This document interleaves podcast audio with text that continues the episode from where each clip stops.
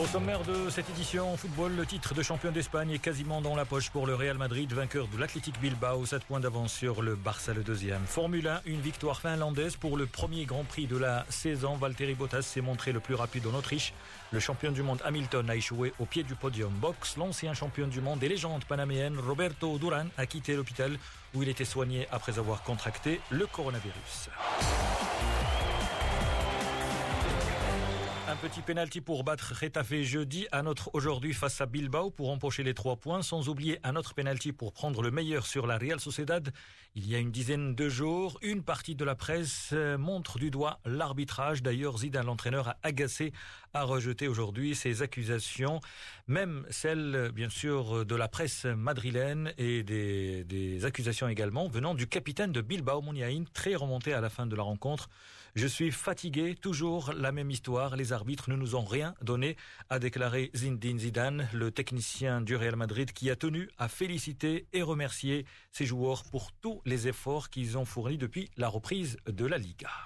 Mon sentiment, c'est beaucoup de, fierté et de joie pour les joueurs, surtout parce que ça fait sept victoires et, c'est pas anodin. C'est-à-dire que ce qu'on est en train de faire, on est, vraiment solide. Alors c'est vrai qu'offensivement, peut-être qu'il nous manque certaines choses, mais on va pas faire un fine bouche. Je pense que c'est, il faut être vraiment très content, très satisfait parce que ça part de, la base et ça part de notre équipe défensivement. Et, euh, et ça, sur ce plan-là, on est en train de faire quelque chose d'extraordinaire. Après, on sait très bien qu'à un moment ou un autre dans un match, on va avoir des occasions, on va avoir des précis dans le match où on va avoir une occasion.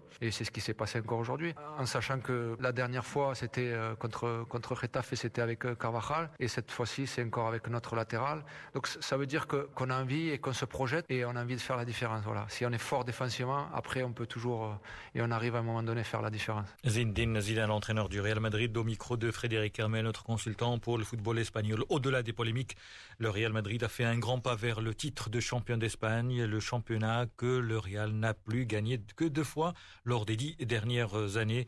Le Real compte 7 points d'avance sur le Barça, le champion sortant, dont le doute depuis quelques semaines et qui joue ce soir contre Villarreal en déplacement. L'ancien joueur et l'ex-légende du FC Barcelone, Xavi, a été reconduit aujourd'hui à la tête des 7 pour la saison 2020-2021. Champion du monde en 2010, champion d'Europe aussi en 2008 et 2012.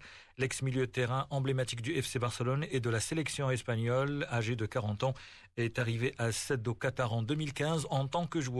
Puis il est devenu entraîneur quatre ans plus tard, en août 2019, pour sa première saison sur un banc. Xavi a mené son équipe vers des victoires en Supercoupe et en Coupe du Qatar.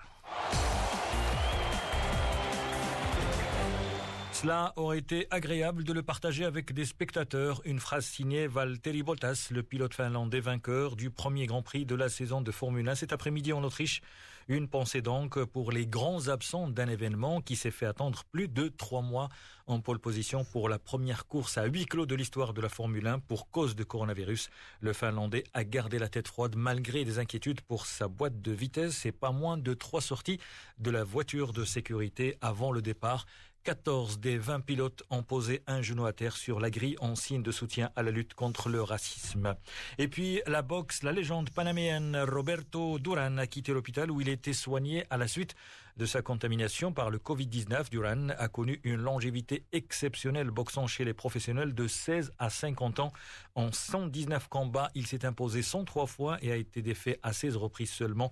Âgé de 69 ans, il a été champion du monde dans quatre catégories différentes poids léger, welter, super welter et poids moyen. Un dernier mot de golf, la compétition se poursuit. Vous le savez aux États-Unis, le golf, le Rocket Mortgage Classic à l'issue de la troisième journée hier, le jeune américain de 21 ans, Matthew Wolf, était en tête après avoir rendu une carte de moins de 19. La compétition se poursuit donc et ce soir on aura les résultats complets pour ce dernier tournoi sans spectateurs. C'est la fin de cette édition. Merci de votre fidélité. Excellent début de soirée à l'écoute de médias.